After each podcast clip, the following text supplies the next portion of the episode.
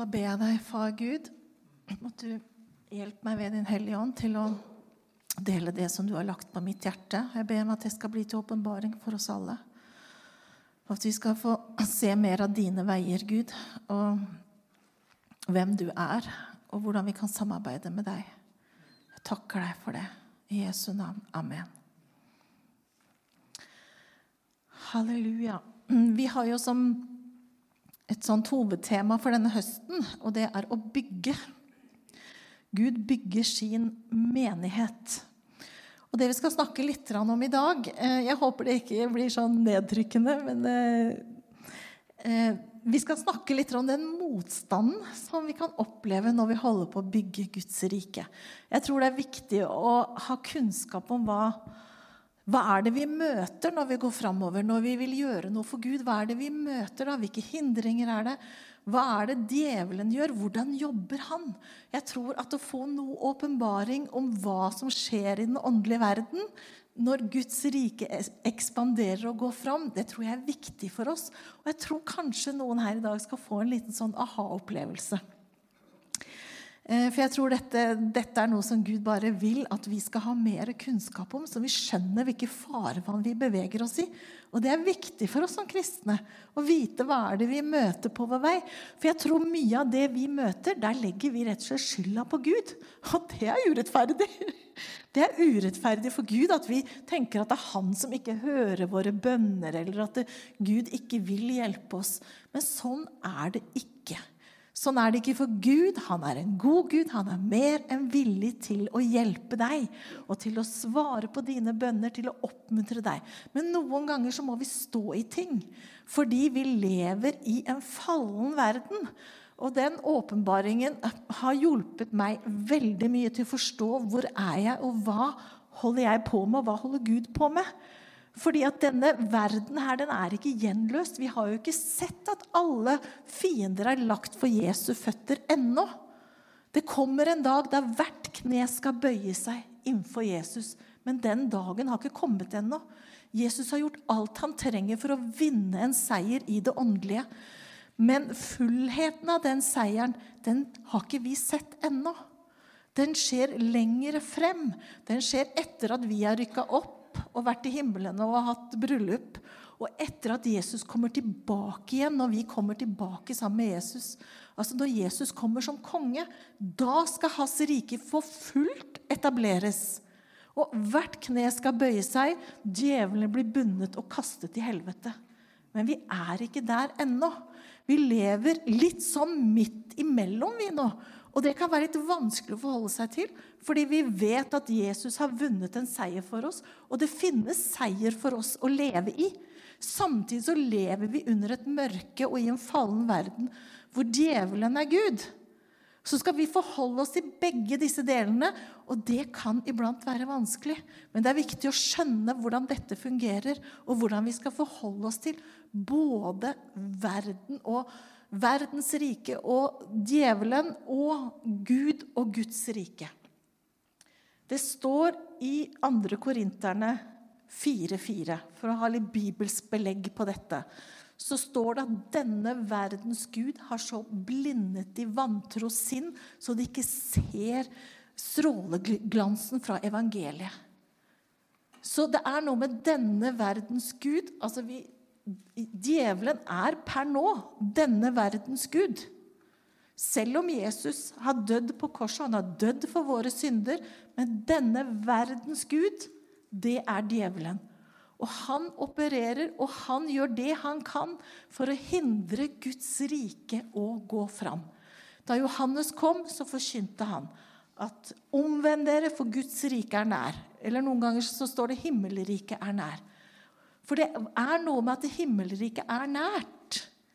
Samtidig som djevelen er herre i denne verden. Og Jesus forkynte også 'omvend dere, for himlenes rike er nær'. Guds rike er nær. Og så sier Jeg skal prøve å være litt flink å si bibelversene, så jeg har egentlig prøvd å skjerpe meg litt. Um, nå var det det stod, da. Skal vi se Jo, Kolosserne 1,27 så står det 'Kristus i dere, håpet om herlighet'. Så Guds rike har kommet nær. For for oss som har tatt imot Jesus, så er jo Guds rike i oss. Guds rike er i dere. Kristus i dere, håpet om herlighet. Så samtidig som vi lever i en fallen verden, så har vi Guds rike i oss. Og vi må forholde oss til disse to parallellene. For vi har jo gjort Jesus til herre, har jo vi gjort, ikke sant? Så i vårt liv er Jesus herre, men i verden er djevelen herre. Men Jesus er herre i vårt liv, og vi skal strebe oss strebe etter å finne Gud og Guds rike, Guds rikes prinsipper. Hva er det Gud jobber med? Hvordan arbeider Gud? Og vi må lære å kjenne hans veier. Og det står om at israelittene kjente Herrens gjerninger, men Moses kjente hans veier. Og Jeg håper å lese en del om Moses i det siste. Og, det, og, han ber til og med til Gud. Gud, la meg kjenne dine veier. La meg forstå hvordan du arbeider. La meg forstå hvordan det fungerer i dette guddommelige riket. For det var jo i Gamle Testamentet også, men med at Jesus kom, så har det kommet enda nærmere. For vi har jo fått det i oss. Kristus i oss, håpet om herlighet. Så vi skal leve i disse to parallellene. Og jeg har lyst til å bare si til deg det at Gud vet at vi må leve i begge disse rikene. Og han har medlidenhet med oss. For, for Jesus gjorde også det. Han kom jo til jorda og levde som et menneske. Så Jesus har medlidenhet med oss. Vi lever her under dette mørket, under Satans herrevelde, med demonene over oss og rundt oss. Og vi må deale med dette. Og det kan være tungt. Og det vet Gud. Han vet at dette er vanskelig. Men det han virkelig ønsker, er at du ikke skal skylde på han for det som djevelen gjør. Når ting går deg imot, når det er vanskelig for deg, så må du ikke skylde på Gud. Fordi vi lever i en fallen verden. Det står i Johannes 10 og vers 10 så står det at djevelen kommer bare for å stjele, myrde og ødelegge. Så når du opplever at noe blir tatt ifra deg, når du opplever at djevelen ødelegger i livet ditt, eller når noe blir ødelagt i livet ditt, så skal du ikke skylde på Gud, for det er djevelens verk. Og det er viktig at du ser det, så ikke vi hele tiden tenker at Gud ga meg ikke bønnesvar. Kanskje er bønnesvaret på vei? Kanskje, eller kanskje det skjer på en litt annen måte enn vi tenkte? Men det som er da viktig, er å vite at vi skal stå djevelen imot. Det står i Jakob 4,7. Altså eh, vi skal underordne oss Gud. Han skal vi underordne oss og lyde. Og så skal vi stå djevelen imot. Og når ødeleggelse kommer i ditt liv, så ikke sett deg ned og bli deprimert og skyld på Gud. Men reis deg opp i ditt indre og stå djevelen imot. Og si til ham, 'Gå ifra meg i Jesu navn'. For du er gitt autoritet. Når du er i Guds rike, så lever du. Du har Jesus seier. I deg så har du Jesus seier, og du kan stå den onde imot. Det står også i 1. Peter 5,8. Så står det også djevelen går omkring som en brølende løve for å finne noen han kan oppsluke. Altså, han prøver å ta oss. Men så står det 'stå ham imot faste i troen'. Så det jeg sier til deg, er et godt budskap, for du har gitt deg autoritet over den onde til å stå djevelen imot. Og når vi holder på å bygge Guds rike, så er det ikke sånn at djevelen applauderer det. Han er imot oss som menighet når vi prøver å bygge noe. Han er imot deg når du prøver å gå videre fremover, når du holder fast på løftene, når du skal vandre med Gud. Så vil djevelen han vil hele tiden prøve å ødelegge for deg. Så han må du stå imot. Og vi trenger faktisk litt mer kunnskap om vår fiende og hvordan vi skal beseire ham. For det snakkes ikke så mye om. Det er ikke så mye undervisning om eh, åndelig krigføring er jo et uttrykk. Eller hvordan vi skal motarbeide det som kommer imot oss hele tiden. Men Gud vil gjøre deg til en seierrik kriger i sitt rike. Og at du skal forstå prinsippene og forstå hvordan det fungerer, sånn at du kan vinne seier. Og så er jo alt dette i Guds kraft. Det er ingenting vi skal være flinke til. For når vi ydmyker oss for Gud og roper til Han om nåde og hjelp, så kommer Hans kraft og hjelper oss. Den kraft som virker i oss med styrke. Det er i den jeg arbeider, sier Paulus. Vi skal arbeide i den kraft som virker i oss med styrke. For Gud har gitt oss kraft til å seire over den onde. Men stå djevelen imot, og skyld ikke på Gud. Og disse to verdenene, for å skille litt på de, da Vi har verdensriket og Guds rike. I 1. Johannes 2,15 så leser vi litt om hva verdens rike består i. Det står kroppens begjær, øynenes lyst og skryt av det en eier. Det er det som er i verden. Altså det er begjær, eller alt hva man vil ha. Og så er det materialisme og stolthet. Det er det som er i denne verden. Det er det djevelen har å tilby verden. Begjær stolthet, materialisme. Og det er det djevelen kjører mot oss som kristne også. Begjær, materialisme, stolthet. Verdens rike. Det er derfor det er viktig å holde seg unna det. Ikke fordi det er sånn fy-fy, men for du ikke skal bli fanga inn i djevelens snarer, sånn at du kan være sterk og stå han imot. Så må vi kanskje avse noe av verdens begjær, av materialisme, bøye oss i våre hjerter så vi ikke er stolte, fordi da er vi sterke. Så står det i Romerne 14, 17. Så står det hva Guds rike består i. Det består i rettferdighet, fred og glede i Den hellige ånd. Fantastisk! Det er Guds rike. Rettferdighet, fred. Du kan få vandre i fred. Og du kan få ha gleden din i Gud. Og gleden i Gud, den bygger ikke på følelser, men du kan bestemme deg for at jeg kan glede meg i Herren.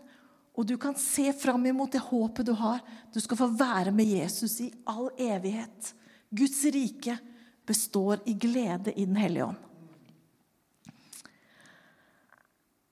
Vi kan også se i 1. Tesaloniker 2,18. Paulus, dere, vi, vi ser på han som en virkelig høvding. Han har jo skrevet masse av Nytestamentet.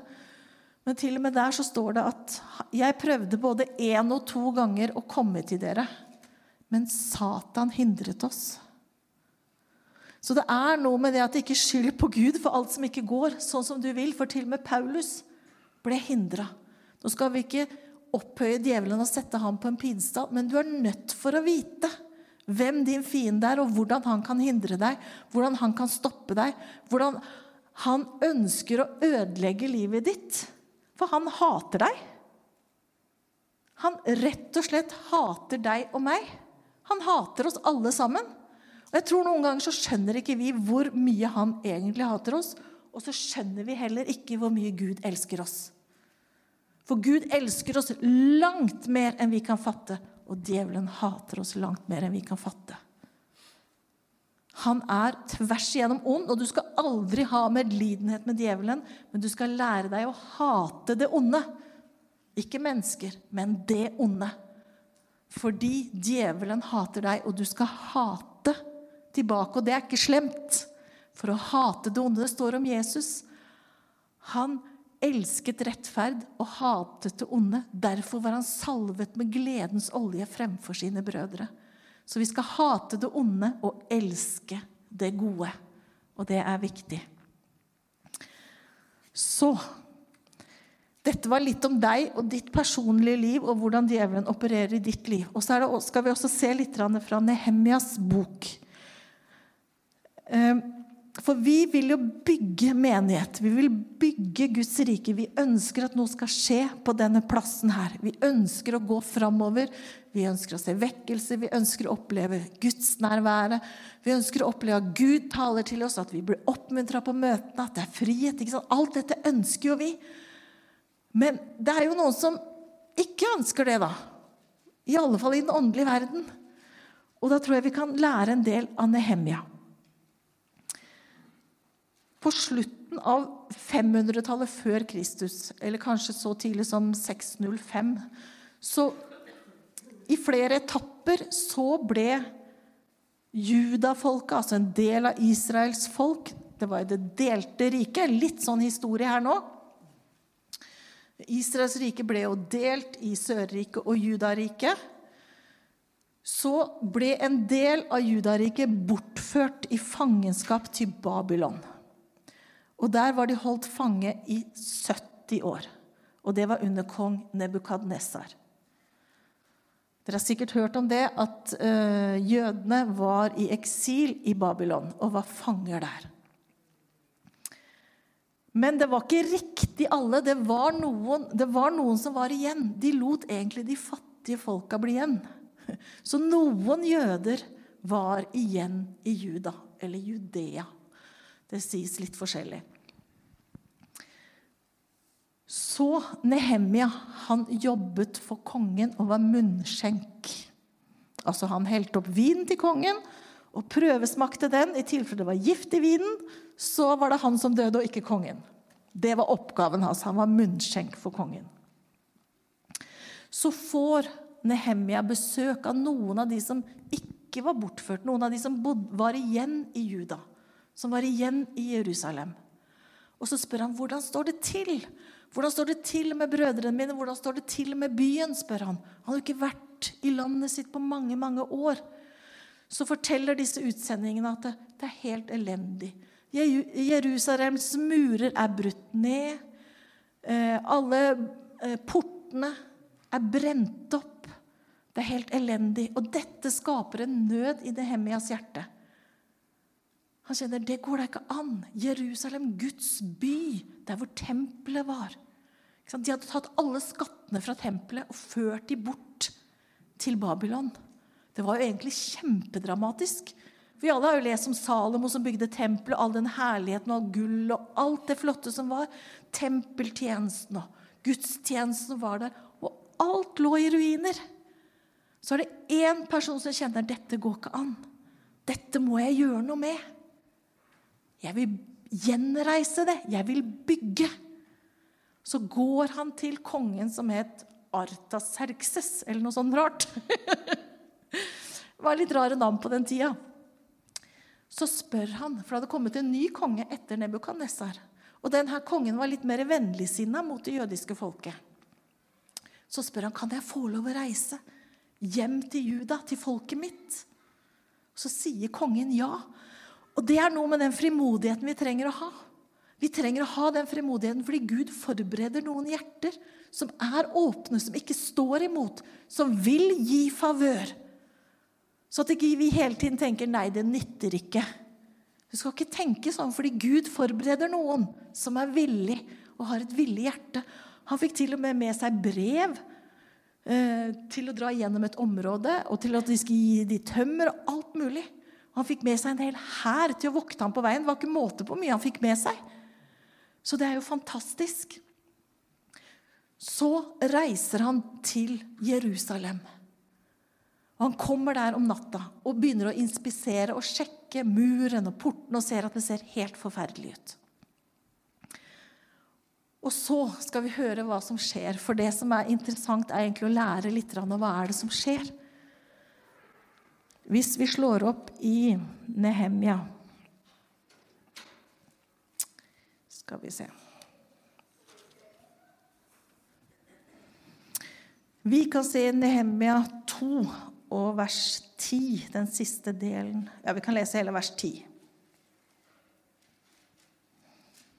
Nehemia 2 og vers 10. Der står det det er to litt sånne artige navn her. Samballat og Tobia. De går igjen veldig. Også en som heter Geshem eller noe sånt. Men Samballat og Tobia, det var noe litt av noen typer. Og de ble ikke særlig glad for det som skjedde. Der står det Horonitten Samballat og ammonitten Tobia, tjenestemannen, fikk høre dette, altså at de var kommet for å bygge opp igjen muren. De tok det ille opp at det hadde kommet en mann som ville israelittene vel. Tenk på det. De tok det ille opp bare at noen vil gjøre noe godt. Og det kan vi møte på. Vi kan møte på når vi prøver å gjøre det gode. Når vi prøver å gjøre det rette, så er det en motstand i åndeverden mot det. Det er ikke sikkert at det kommer en Sambalat og Tombia og sier det til oss, men du kan møte det i åndeverden. Ja, men jeg prøvde jo bare å gjøre det som var rett.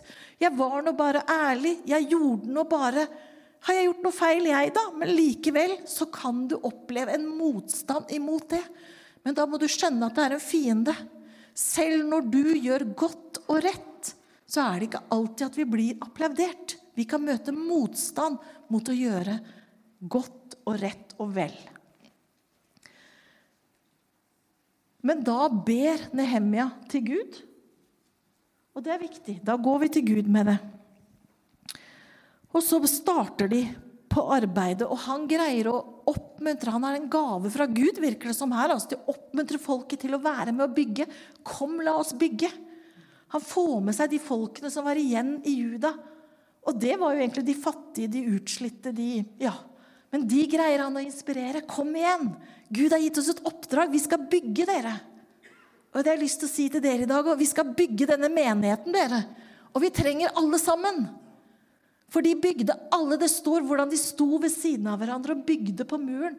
Det står oppramsa navnene, slektene, og alle var med. Og jeg tror Gud har nevnt det bare fordi at vi skal skjønne at vi trenger alle. Vi trenger alle her i denne menigheten til å bygge denne menigheten. Hver og en. Og når du er med på det, så kan det være at du møter litt motstand.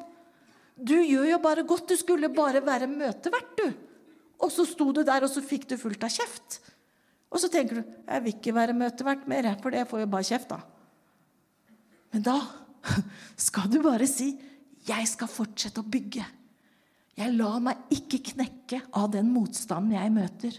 For det er sånn vi må overføre dette. Ja, Hvordan møter vi motstand på det vi holder på med? For vi gjør det. Vi møter motstand. Men vi skal ikke la oss knekke av den motstanden. Da skal vi be til Gud, sånn som Nehemia gjorde. Så da fortsatte de. Og da de skjønte at de ikke ble stoppa, så kan vi lese fra eh, kapittel 2 og vers 19. Hva som skjer med Samballat og Tobia når de skjønner at de ikke greier å stoppe dem bare sånn i første omgang. Da horonitten Samballat, ammonitten Tobia, tjenestemannen, og araberen eh, Geshem, her har vi han Geshem, hørte dette, spottet og hånte de oss. De sa, 'Hva er det dere holder på med? Gjør dere opprør mot kongen?' Åh, Der prøver de liksom å felle dem med at dere gjør dere opprør mot kongen. Ja, hvilken konge? De hadde jo fått lov av han som var øh, han hadde, Altså kongen, Artaserkses, var jo den som styrte over Juda. Han var jo sendt av kongen. Så de gjorde jo ikke opprør mot kongen. Men det kommer løgn, og det prøver å spille på din dårlige samvittighet. Djevelen han prøver å snike inn alle mulige veier. Og han håner og han spotter. Og vers 20. Da svarte jeg den, himmelens Gud vil la oss lykkes. Vi, hans tjenere, skal gå i gang med å bygge, men dere har ingen del, ingen rett og ingen historie i Jerusalem. Fantastisk svar. Han bare står opp imot dette med en gang. Himmelens Gud vil la oss lykkes. Og den holdningen må du ha. Himmelens Gud vil la deg lykkes. Og det er ingen djevel eller demon som kan hindre deg i å gjøre arbeidet. Og det er herlig med ledere som reiser seg opp og proklamerer at arbeidet, det skal vi gjennomføre. Så de bygger. Så kommer vi til eh, kapittel fire igjen. 4 og vers 1. Da Sambalat hørte at vi holdt på å bygge muren, ble han sint. Han var fra seg av raseri.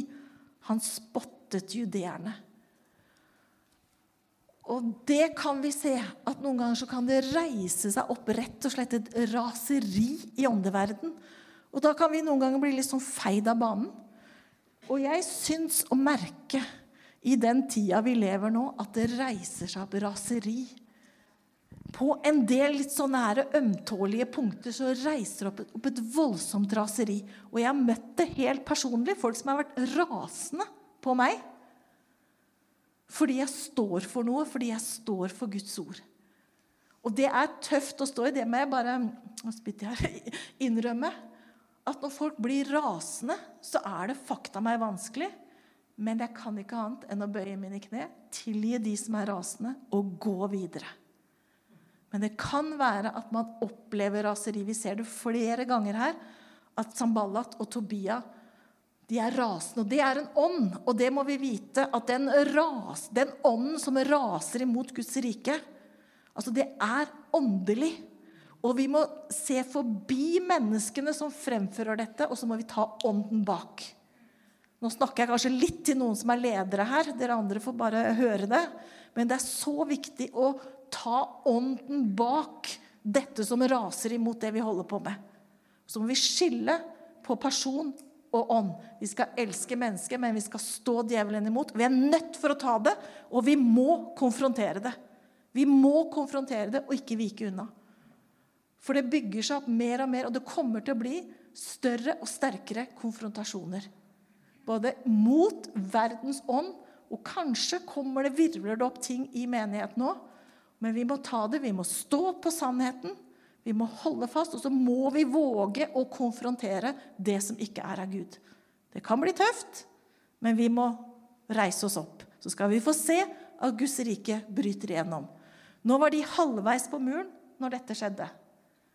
Når det raseriet kom opp. Og det som de da gjør, er at de deler flokken som arbeider, setter halvparten til å bare å vokte med våpen i hånd.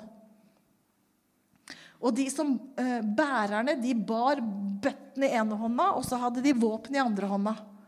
Og de som bygde på muren, de hadde våpenet hengende på hofta mens de bygde. Så det er viktig å arbeide og våke. Våke og be og arbeide på Guds rike. Så bønnen må aldri forsvinne fra vår menighet. Vi må våke og be. Så takknemlig for de som har bønnetjeneste, og de heier vi på. Vi alle skal be. Sånn alle skal vi våke og be. Men noen har en sterkere tjeneste i dette enn andre. Og det er viktig at vi, kom, at vi får fullheten av dette i menigheten. Alle trengs, dere. Alle trengs. Og vi må ikke se ned på de som ber, som virkelig roper til Gud om gjennombrudd. For de gjør en så viktig jobb. Skal vi komme igjennom fienden og alt det som kommer imot oss, når vi er halvveis, så kan vi kanskje forvente et skikkelig raseri. Og da må vi kunne stå i det raseriet, og så må vi kunne gå videre og bygge og bygge og bygge.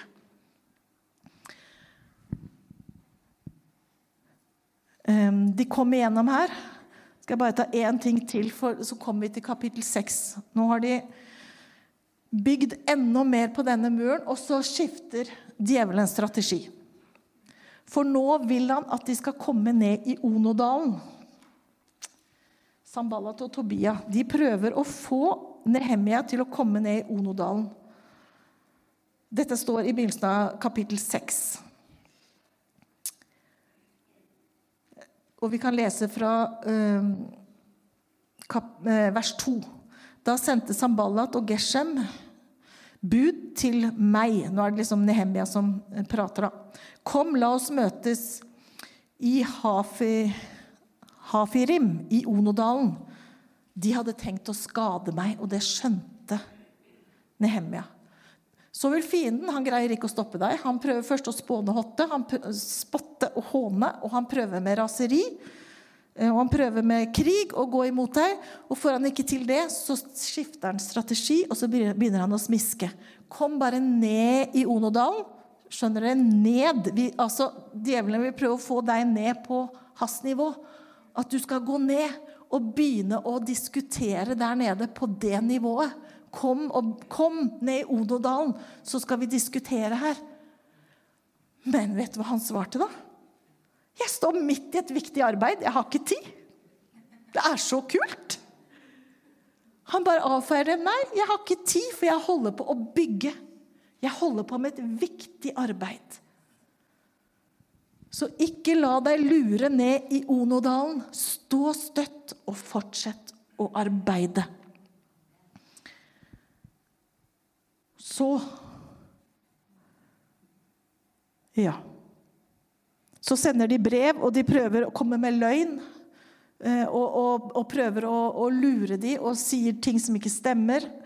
Og Nehemia bare svarer i vers 8 her Ingenting av det du sier, har skjedd. Dette er noe du selv har funnet på.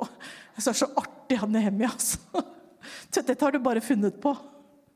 Dette arbeidet er viktig. Så han lot seg ikke stoppe av fienden. Og muren den blei ferdig etter 52 dager så hadde de seieren, så hadde de bygd det. De hadde satt hele muren, den var tett, det var ingen revner. De hadde satt inn portene, de hadde satt dører i portene. Og så kom Esra og leste opp loven, og gudstjenesten begynte igjen. Fantastisk. Fordi Nehemia var fast bestemt på å ikke bøye seg for fienden, ikke gi etter for motstanden. Han skjønte Gud ga ham visdom, så han skjønte hva fienden holdt på med. Og det er det jeg kjenner at Gud vil gi oss visdom. Han vil gi deg visdom, så du gjenkjenner fienden i livet ditt. Både i ditt personlige liv, sånn at du kan stå ham imot fast i troen og jage ham vekk, men også i menigheten. At vi ser og gjenkjenner hva fienden gjør, sånn at vi kan stå djevelen imot. Og så skal vi bygge Guds rike på Betanias satelle. Og fienden skal ikke få stoppe det eller hindre det. Fordi vi avslører det, og vi konfronterer det, og vi bøyer oss ikke. Dette var kanskje et litt spesielt budskap i dag. Kanskje det ikke var riktig sånn Noe av det var til menigheten og lederne, det kjenner jeg. Eh, men jeg tror det var til alle dette med å gjenkjenne fienden i vårt eget personlige liv. Og det er noe med det å skjønne den åndelige verden for å skjønne seg sjøl hva det er man står i. Hva er det jeg står i nå? Og det som jeg kjente på når jeg forberedte meg, var at hvis det er noen som kjenner det er, det er tungt Jeg står i en kamp som jeg kanskje ikke skjønner. Kanskje du fikk åpenbaring nå om at det var en åndelig kamp som du står i, men du har kanskje ikke skjønt det så er vi her for å be sammen med deg. Skulder til skulder skal vi stå, sånn som de jobba på muren. Skulder til skulder. Og vi skal arbeide skulder til skulder. Vi skal stå sammen, vi skal bære hverandres byrder. Vi skal heie på hverandre, vi skal oppmuntre hverandre. Så hvis May-Britt øh, Karina Karina, i hvert fall. Eh, tar fram gitaren Hvis noen bare kjenner det her, det vil jeg gi respons på. Eller du bare kjenner jeg vil bare gå fram, for jeg vil bare, jeg vil bare ha mot og styrke til å stå fienden imot. Altså, så kom gjerne fram, så står vi sammen. Så kan, så kan jeg be for deg. Ja. Mm. Så skal Herren hjelpe oss. Hjelpe oss å stå fienden imot. Halleluja. Jeg takker deg, Jesus. Takker deg for at du bare Du er god, og du gir oss kraft. Og du gir oss styrke. Og du gir oss visdom til å stå den onde imot. Takker deg, far. Takker deg. Takk at du gir trøst til den som trenger det nå, far. Som står i en kamp. Du gir mot til å ikke bøye seg. Takker deg for det, far. Bare nåde, nåde, nåde, Gud. Vi trenger deg. Vi trenger deg. Vi trenger din nåde. Vi trenger din hjelp, Gud, til å skjønne og forstå, til å leve i denne verden i den tida vi er i. Vi trenger din hjelp. Vi trenger din hjelp, og vi kaller på deg. Vi kaller på deg til hjelp til å bygge denne menigheten. Vi kaller på deg med hjelp til å bygge våre egne liv. Til å stå stødig imot fienden og hans velde. Vi kaller på deg og din hjelp. Vi kaller på deg og din hjelp. Halleluja. Halleluja, Jesus. Korolonordikimene.